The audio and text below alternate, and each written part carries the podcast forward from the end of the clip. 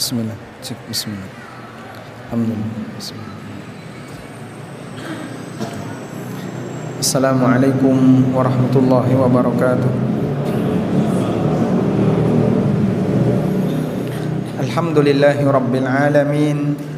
Wassalatu wassalamu ala ashrafil mursalin Nabiina wa maulana Muhammadin wa ala alihi wa sahbihi ajma'in Wa ashhadu an ilaha illallah wahdahu la sharika lah Wa ashhadu anna Muhammadan abduhu wa rasuluh Sallallahu alaihi wa ala alihi wa sahbihi Wa man tabi'ahum bi ihsanin ila yaumiddin Alhamdulillah Puji syukur kita haturkan kehadirat Allah Subhanahu wa taala. Di kesempatan malam hari ini kembali kita melanjutkan kajian rutin dengan membaca kitab Al-Lu'lu' wal Marjan fi mattafaqa alaihi syaikhan. Dan insyaallah kita akan membaca bab yang ke-13. Babun istihbabu salatid duha. Wa anna aqallaha rakaatan bab anjuran untuk melaksanakan salat duha. Dan bahwa jumlah rakaat minimal adalah dua rakaat. Karena untuk salat siang tidak ada yang satu rakaat. Untuk salat malam jumlah rakaat minimal satu rakaat menurut jumhur ulama. Sedangkan dalam Hanafiyah dalam madhab Hanafiyah Salat witir minimal tiga rakaat. Witir satu rakaat disebut sebagai salat yang buntung karena tidak punya teman. Dan yang benar adalah madhabul jumhur pendapat jumhur bahwa salat witir boleh satu rakaat. Sedangkan untuk salat siang tidak ada yang kurang dari satu rakaat tidak ada yang kurang dari dua rakaat. Maka salat siang minimal adalah dua rakaat. Hadis nomor 416 hadis Aisyah radhiyallahu anha qalat beliau bercerita in kana Rasulullah sallallahu alaihi wasallam la yada'ul amal wa huwa yuhibbu ay ya'mala bihi khasyata ay ya'mala bihi nas tidaklah Rasulullah sallallahu alaihi wasallam meninggalkan amal tertentu. Padahal beliau ingin melakukannya selain karena alasan. Ayya'mala bihin nas fayufradu alaihim. Alasannya adalah nanti dirutinkan oleh para sahabat dirutinkan oleh masyarakat fayufradu alaihim lalu diwajibkan kepada mereka wa ma sabbaha Rasulullah sallallahu alaihi wasallam subhatad duha qattu wa inni la usabbihuha dan Rasulullah sallallahu alaihi wasallam tidak pernah melaksanakan salat duha sama sekali dan aku melakukannya dan hadis ini riwayat Bukhari Muslim dan ini merupakan keterangan dari Aisyah radhiyallahu anha. Tayyib.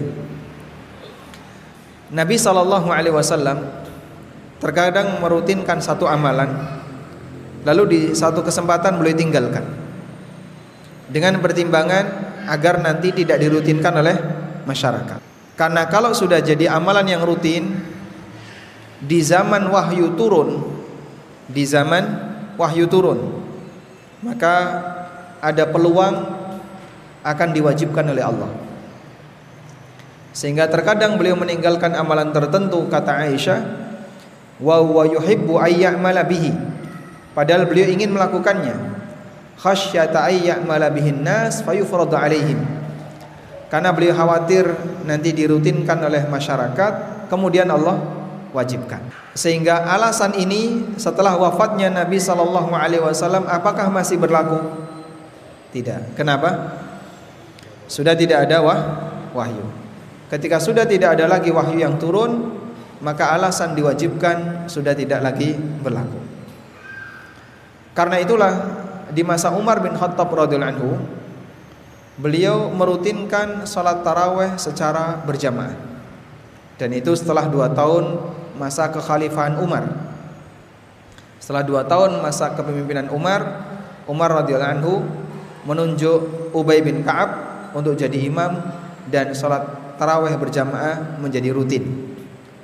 Padahal di zaman Nabi Shallallahu Alaihi Wasallam hanya berlangsung tiga hari dan di masa Abu Bakar tidak ada.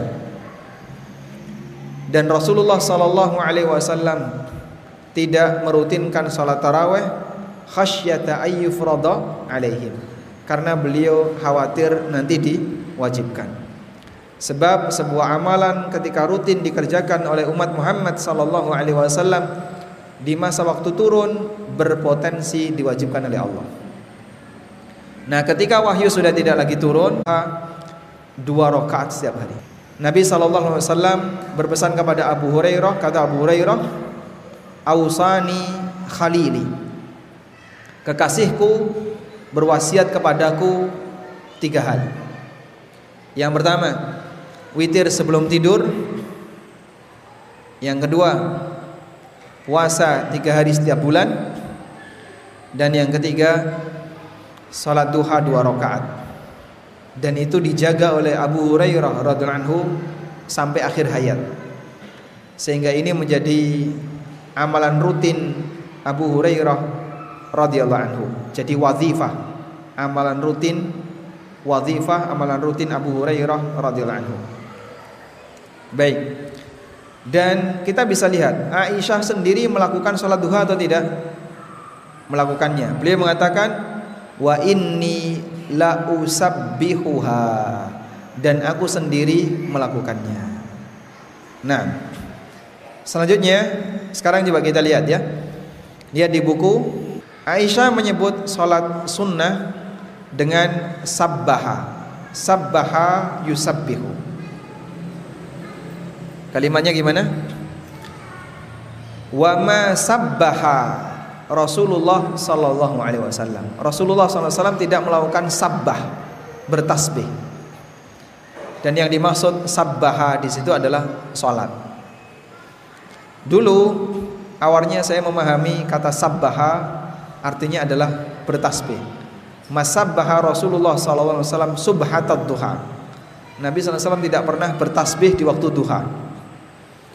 Dan ini makna yang salah Sabbaha di situ artinya adalah Sholat duha Atau sholat sunnah. Sholat sunnah itu Dalam istilah para sahabat disebut dengan Subha. Dalam istilah para sahabat Sholat sunnah itu disebut dengan Subha. Di buku ada ya. Wa ma sabbaha Rasulullah sallallahu alaihi wasallam subhatad duha Rasulullah SAW tidak melakukan subhah duha, maksudnya salat sunnah di waktu duha. Ibnu Umar pernah mengatakan, "Lau kuntu sabbahtu" Kalau saya melakukan sabbah, lau kuntu sabbahtu, maksudnya apa? Andaikan saya salat sunnah, la atmamtul faraid. Maka aku lebih milih untuk menggenapkan salat wajib. Saat beliau melihat pada waktu safar beliau kosor. Duhur kosor. Asar kosor. Tapi setelah itu ada orang yang sholat ba'diyah. Dan Ibnu Umar melihat Loh itu kok sholat ba'diyah? Kenapa? Ya mereka sholat ba'diyah. Kemudian Ibnu Umar mengatakan Lau kuntu sabbahtu Latmamtul faraid. Kalau saya sholat sunnah Maka sebaiknya saya sholat Wajib dengan genap empat rakaat. Salat wajibnya aja dipotong jadi dua. Kosor. Kenapa malah dia salat sunnah? Sehingga ketika kita kosor maka kita tidak perlu salat sunnah rawatib. Baik. Sebutan sholat sunnah tadi apa? Subha. Subha sabbaha yusabbihu subhatan. Kita beralih ke hadis 417. Baik, adik-adik nggak boleh lari-lari ya. Yang di atas. Adik-adik mendengarkan suara suara dari ustadz nggak? Nggak boleh lari-lari. semuanya duduk mendengarkan kajian. Kita lanjutkan hadis dari Ummu Hani. Hadis Ummu Hani radhiyallahu anha. Fa innaha dzakarat. Beliau bercerita. Apa hubungan antara hum Ummu Hani dengan Nabi sallallahu alaihi wasallam? Apa hubungan Ummu Hani dengan Nabi sallallahu alaihi wasallam? Ummu Hani ini saudaranya Ali. Sehingga Ummu Hani dengan Nabi sallallahu alaihi wasallam apanya? Sepupu. Nama aslinya Fakhitah. Nama aslinya Fakhitah. Fa alif kha ta kemudian tambahi tak marbuto Fakhitah. Lebih dikenal dengan kunyahnya daripada nama aslinya Ummu. Sepupu Rasulullah sallallahu alaihi wasallam. Fa innaha Ummu bercerita anna nabiyya sallallahu alaihi wasallam yauma fathi makkah igtasala fi baitiha. Nabi sallallahu alaihi wasallam ketika fathu Makkah mandi di rumahnya Ummu Hani. Fa shalla thamaniya raka'atin. Dan beliau salat 8 rakaat.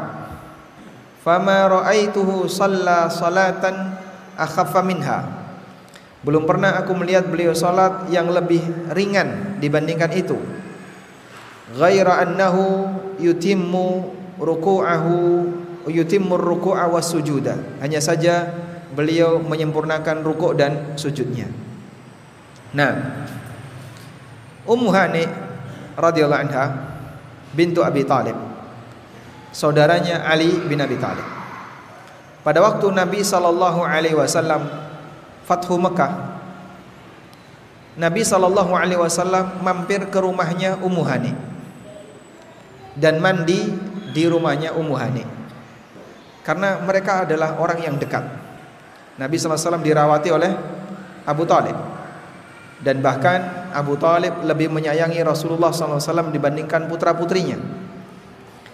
Maka Nabi Shallallahu Alaihi Wasallam sangat dekat dengan putra putri Abu Talib dan Ali dirawat oleh Rasulullah sallallahu alaihi wasallam bersama Khadijah sebelum beliau jadi nabi. Sampai di usia 8 tahun. Sampai di usia 8 tahun. Sehingga sejak kecil Ali bin Abi Thalib ikut Nabi Muhammad SAW setelah menikah dengan Khadijah dirawati oleh Nabi Muhammad sebagai balasan dulu pamannya telah merawat beliau waktu kecil ada dua anaknya Abu Talib yang dirawat oleh keponakannya.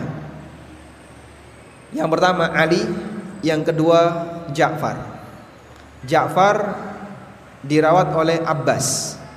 Sedangkan Ali dirawat oleh Nabi Muhammad sallallahu alaihi wasallam. Nah.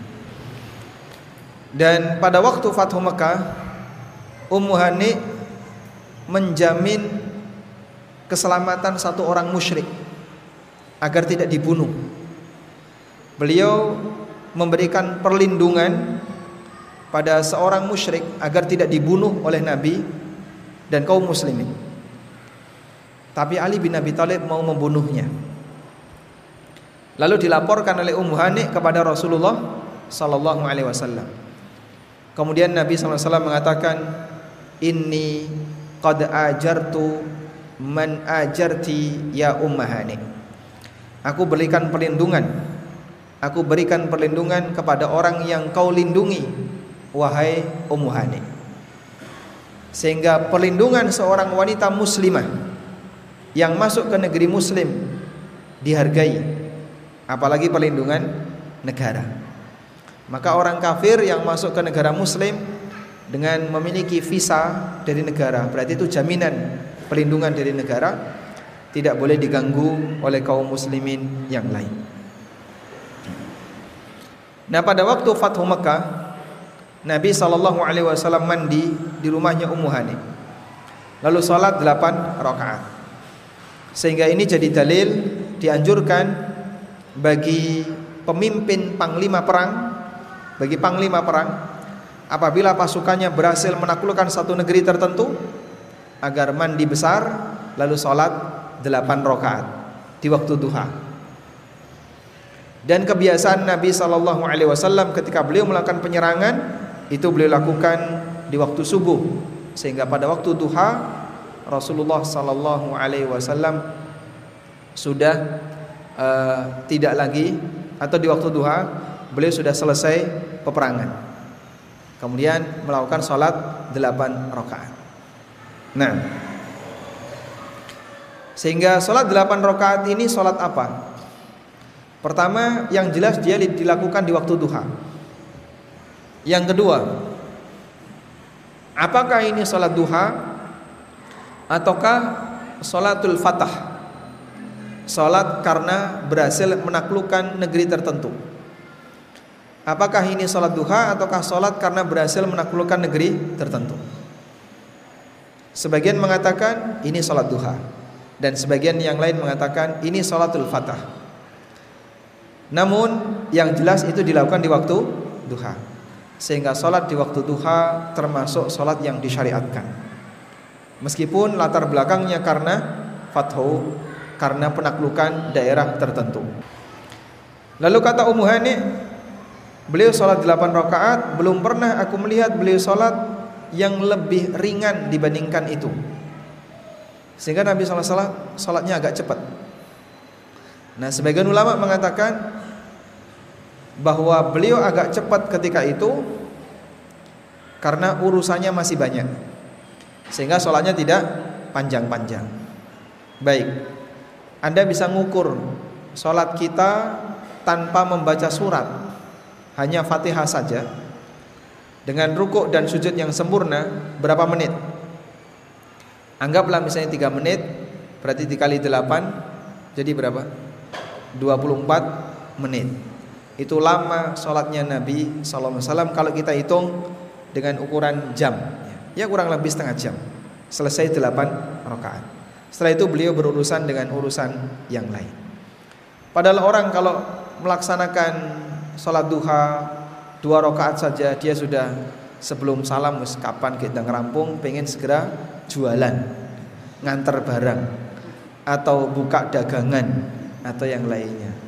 Karena dia nggak sabar ketika melakukan sholat. Pengen segera melakukan aktivitas dunia.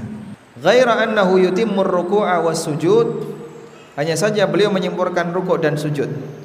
Menyempurnakan rukuk dan sujud sehingga Nabi wasallam ketika salat ringan ini tidak sampai meninggalkan rukun tumak nina. Baik. Apakah ini menunjukkan bahwa kalau salat duha dianjurkan untuk ringan? Jawabannya tidak. Kalau bisa lama silahkan. Namun hadis ini berlaku ketika fathu futuhat penaklukan negeri tertentu maka sholatnya tidak lama-lama. Selanjutnya, hadis yang ke 418 dari Abu Hurairah radhiyallahu anhu. Beliau bercerita, "Ausani khalili." Khalilku berwasiat kepadaku bisalasin dengan tiga wasiat. Khalilku berwasiat kepadaku dengan tiga wasiat. Khalil itu adalah sebutan untuk orang terdekat derajatnya lebih dekat dibandingkan Habib. Sehingga ada Habib ada Khalil. Lebih dekat yang mana? Khalil. Maka kalau orang disebut Khalil berarti dia lebih tinggi tingkatannya dibandingkan Habib. Karena itu Nabi Muhammad sallallahu alaihi wasallam tidak boleh menjadikan khalil selain Allah. Allah menjadikan beliau sebagai khalil dan beliau tidak boleh punya khalil selain Allah. Dan sementara umatnya boleh menjadikan beliau sebagai khalil. Sehingga Rasulullah sallallahu alaihi wasallam pernah mengatakan, "Inna Allah takhadani khalilan." Kama takhadha Ibrahim khalilan. Allah menjadikan aku sebagai khalil sebagaimana Allah menjadikan Ibrahim sebagai khalil walau kuntu muttakhidan khalilan lattakhadtu Aba Bakrin khalilan kalau aku boleh menjadikan manusia sebagai khalil maka akan aku tunjuk Abu Bakar sebagai khalil. Sehingga beliau sallallahu alaihi wasallam tidak boleh memiliki khalil dari kalangan manusia. Baik. Tapi para sahabat menjadikan beliau sebagai khalil. Nah, tadi kita sebut bahwasanya khalil itu tingkat kedekatannya dan cintanya lebih tinggi daripada habib. Maka kalau si A mengatakan B adalah habibku. B adalah habibku. C adalah khalilku. Berarti siapa yang lebih dekat dengan A? B atau C? Yang mana? C. Maka C berarti lebih istimewa bagi A dibandingkan B. Karena C ini khalilnya. Dipahami ya? Nah, karena itu kalau kita mau menyatakan rasa cinta kita kepada Nabi sallallahu alaihi wasallam, kita sebut beliau sebagai khalil kita. Khalili Muhammadin sallallahu alaihi wasallam. Khalilku Muhammad sallallahu alaihi wasallam. Bukan habibi. Ya meskipun kalau disebut habibi diperbolehkan. Ya. Tapi kalau kita mau menyebut beliau maka hubungannya dengan Allah maka kita sebut Khalilullah bukan Habibullah karena derajat Khalil lebih tinggi daripada Habib nah maka Abu Hurairah mengatakan ausani khalili Khalilku berwasiat kepadaku bisalasin dengan tiga wasiat la ada'uhunna hatta amut yang tidak akan aku tinggalkan sampai aku mati satu puasa tiga hari setiap bulan yang kedua, salat duha. Dan yang ketiga, wa naumin ala witrin. Tidur setelah salat witir. Baik. Anda bisa simak. Tiga amalan ini ringan atau berat jemaah? Hmm? Ringan atau berat? Puasa tiga hari tiap bulan, ya? Witir sebelum tidur, salat duha dua rakaat. Ringan atau berat? Bagi Anda ringan atau berat? Berat. Kayak gini masih berat. Berarti gimana? Puasa sehari sebulan. Terus nggak sholat witir, sholat duha satu rakaat. Ini sudah paling minimalis untuk ibadah sunnah bulanan dan harian. Ibadah minimalis. Sehingga ibadah sunnah ini ya secara perhitungan sederhana ringan. Yang berat adalah istiqomah. Rutin itu lebih berat daripada banyak. Maka manusia ketika melakukan hal yang ringan tapi rutin lebih berat daripada melakukan banyak tapi sekali. Makanya rutin lebih istimewa daripada banyak tapi sekali. Sebab merutinkan itu butuh penjagaan. Rutin itu butuh penjagaan. Sehingga orang tidak akan mau melakukan rutinitas tertentu kecuali itu yang ada dalam hatinya. Maka dia akan selalu jaga. Kalau nggak rutin, udah ya sekali udah selesai. Karena nggak rutin. Tapi kalau rutin berat. Baik, sederhana ya. Anda ikut daurah misalnya. Daurah satu kitab Sahih Bukhari hatam dalam waktu satu bulan dibacain saja satu bulan khatam kan ada itu khataman Sahih Bukhari pas Ramadan ya setelah khatam satu bulan setelah itu nggak kajian sampai tahun depan. Bisa pak? Mungkin bisa. Berbeda kalau orang kajian setiap hari misalnya setiap hari dua jam. Tiap hari dua jam. Besok dua jam lagi besok dua jam lagi besok dua jam lagi. Itu lebih berat daripada apa? Amalan borongan tapi sekali. Makanya menjaga rutinitas lebih berat daripada amal dalam jumlah banyak tapi sesekali. Sehingga kita bisa pastikan dalam setiap kajian yang uh, rutin ya, kitab tertentu pasti jamaahnya pernah ada yang bolos Pasti ya? Ya enggak? Rabu pagi misalnya tadi pagi itu kan pesertanya agak banyak. Hatam kita tauhid. Pasti dalam rangkaian kajian itu ada jamaah yang pernah bolos entah sekali, entah dua kali. Padahal dia rutin. Sebab rutin gak bolos itu lebih berat. Dan lihat Abu Hurairah mengatakan la ada'uhunna hatta amut. Aku tidak akan pernah tinggalkan aku tidak ting pernah tinggalkan sampai mati. Jadi sakit pun mungkin beliau akan tetap menjaganya. Baik. Dan ada sebagian sahabat yang membaiat Nabi Shallallahu Alaihi Wasallam sampai itu masuk baiatnya, baiat untuk melakukan tindakan tertentu sampai mati. Jadi baiat. Pada waktu perang Uhud, dalam posisi perang berkecamuk, banyak serangan diarahkan kepada Rasulullah SAW. Ada beberapa sahabat yang membaiat beliau siap mati jadi tameng hidup. Apa pun yang terjadi, saya siap mati. Jadi tameng hidup. Udah nyawanya udah diserahin. Itu ketika perang Uhud. Itu bayat setia untuk mati. Baik, kita nggak sampai seperti itu ya. Tapi mungkin Anda bisa jadikan ini sebagai komitmen. Saya berkomitmen akan melakukan misalnya apa? Satu, witir sepanjang hayat.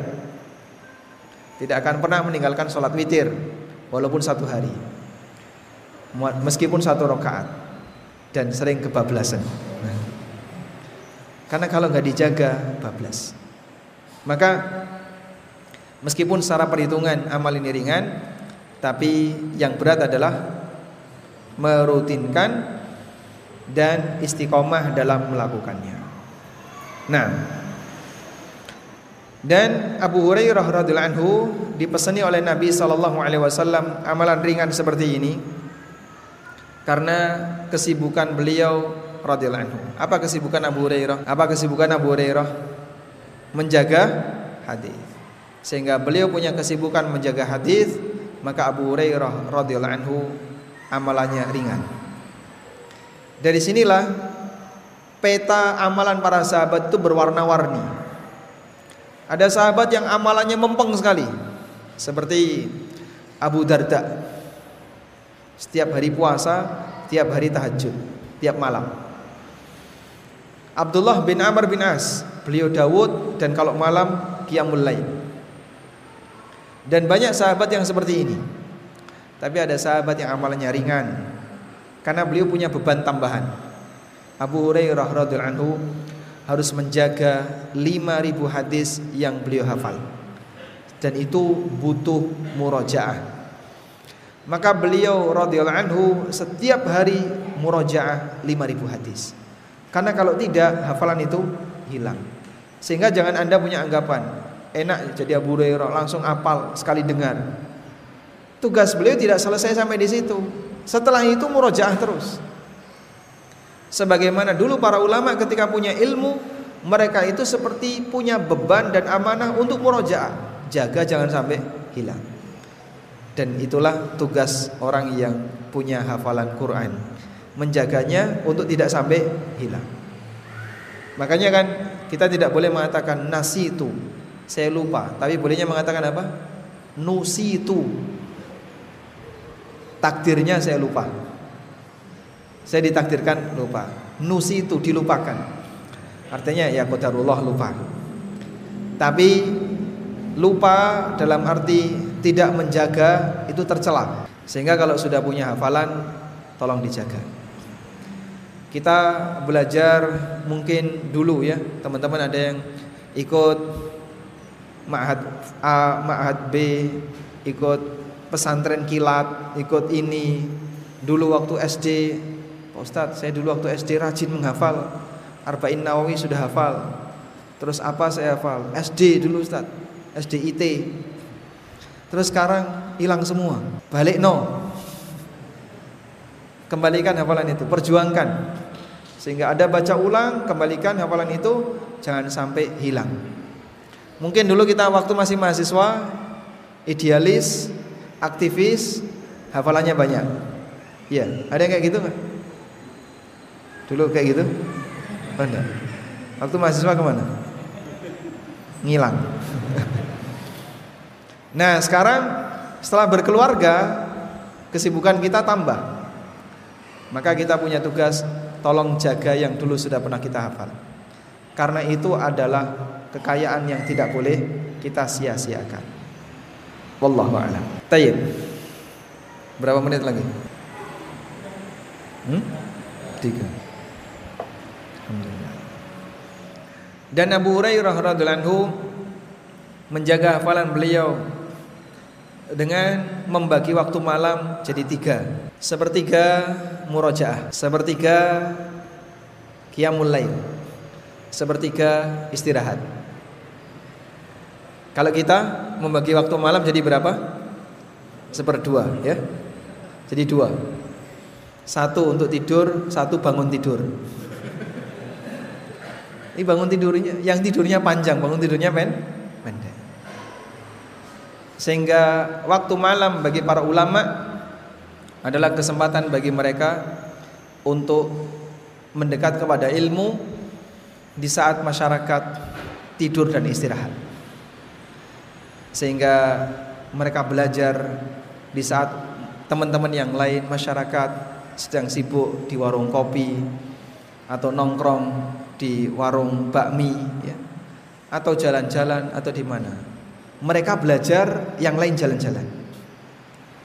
Nah, di saat itulah pembedanya kelihatan. Kumpul di masjid, ada yang lebih unggul dan ada yang tidak punya warna.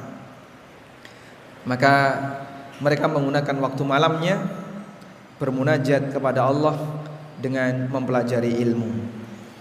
Wallahu a'lam. Baik. Ini untuk sesi yang pertama kita akan mendengarkan adzan isya terlebih dahulu.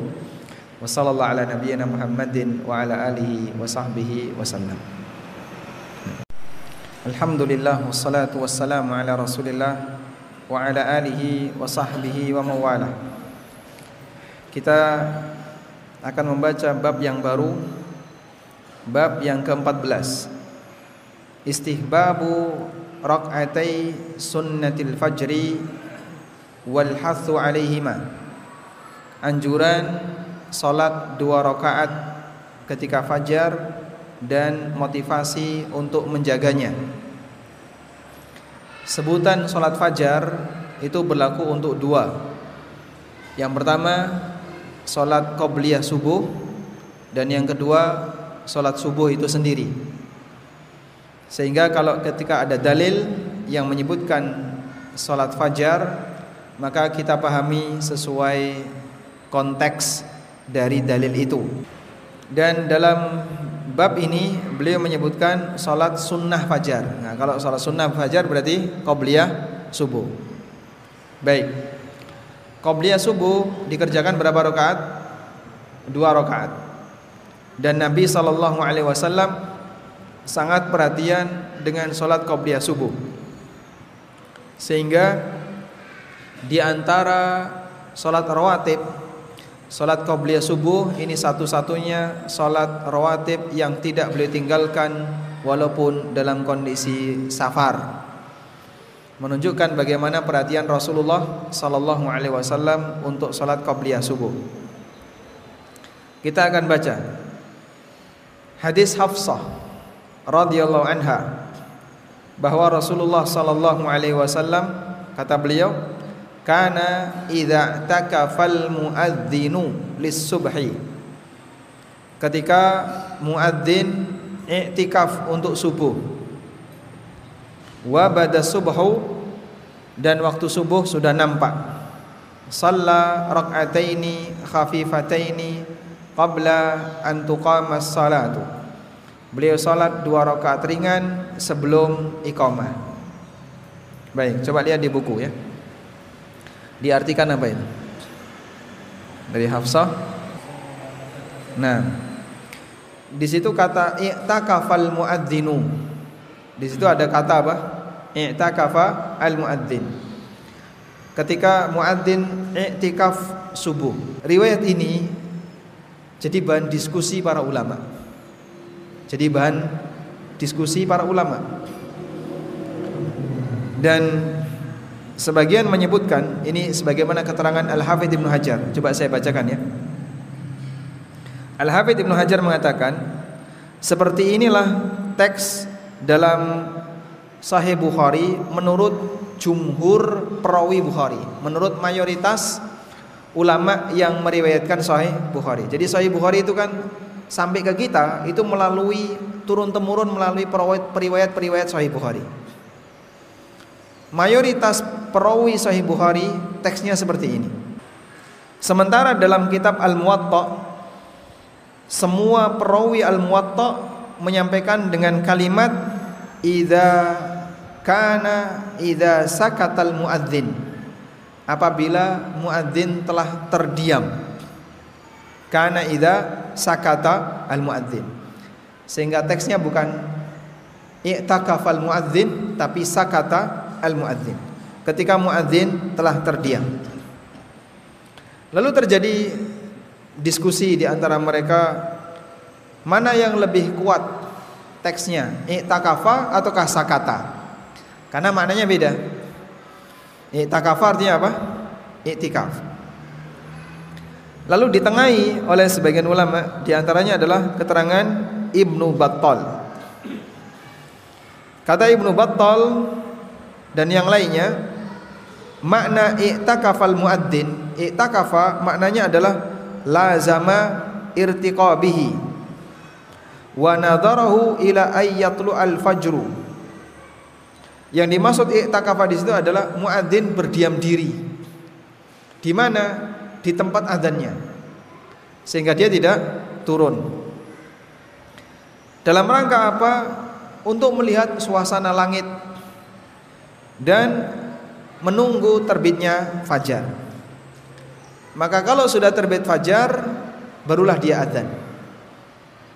Sehingga perkataan Hafsah idza takafal muadzinu subhi di situ artinya adalah apabila muadzin telah menunggu waktu fajar untuk adzan wa bada dan waktu adzan dan waktu subuh telah terbit. Itu keterangan siapa? Siapa tadi? Ibnu Battal. Ibnu Battal punya syarah Sahih Bukhari yang lebih senior dibandingkan Fathul Bari Ibnu Hajar. Sehingga terkadang Al-Hafidh Ibnu Hajar membawakan syarah untuk Sahih Bukhari dengan mengutip keterangan Ibnu Battal. Nah, Ibnu Battal tadi ngasih arahan Kenapa disebutnya takafa? Karena muadzin ketika adzan dia naik, lalu dia nggak turun, nunggu di situ sampai ketika terbit fajar. Wa bada subhu dan ketika subuh sudah terbit dia adzan. Maka Nabi sallallahu alaihi wasallam setelah mendengarkan itu, shalla raka'ataini khafifatain. Beliau salat dua rakaat yang ringan. Qabla an tuqama sebelum iqamah dikumandangkan. Dan ini disaksikan oleh Hafsah, dohirnya ini dilakukan di rumah. Sehingga Nabi SAW salat qabliyah subuh di mana? Di rumah. Baik. Karena itu dari sini kita bisa melihat bagian dari sunnah Rasulullah SAW salat subuh salat qabliyah subuh dimulai setelah muadzin selesai adzan. Dan tentu saja ketentuannya adalah adzannya harus tepat waktu. Lalu sholatnya ringan. Demikian pula hadis Aisyah, hadis nomor 420. Beliau bercerita, Nabi sallallahu alaihi wasallam salat dua rakaat ringan bainan nidai wal iqamati min salati subhi. Antara adzan dan iqamah ketika salat subuh. Sehingga salat qabliyah subuh dikerjakan dengan ringan. Juga hadis nomor 421. Aisyah bercerita, Nabi sallallahu alaihi wasallam meringankan dua rakaat subuh, dua rakaat salat qabliyah subuh hatta inni la aqul sampai saya komentar hal qara abi ummil kitab apa beliau baca Fatihah kok tumben cepat itu secepat itu apa beliau baca Al-Fatihah dari tiga hadis ini semuanya memberikan kesimpulan qabliyah subuh dilakukan dengan apa? Ringan. Hadis yang terakhir di bab ini dari Aisyah radhiyallahu anha beliau mengatakan lam yakunin nabiyyu sallallahu alaihi wasallam ala syai'in minan nawafili ashadda minhu ta'ahudan ala raq'atil fajri belum pernah Nabi sallallahu alaihi wasallam lebih perhatian terhadap salat sunnah melebihi dua rakaat sebelum subuh. Beliau sangat perhatian dan selalu menjaganya sehingga beliau sallallahu alaihi wasallam tidak pernah meninggalkannya. Wallahu alam. Tayyib. Insyaallah akan kita sambung di pertemuan berikutnya masih berkaitan dengan masalah menjaga salat rawatib insyaallah taala. Wassallallahu ala nabiyyina Muhammadin wa ala alihi wa sahbihi wa sallam wa akhiru da'wana alhamdulillahi rabbil alamin. Wassalamualaikum warahmatullahi wabarakatuh.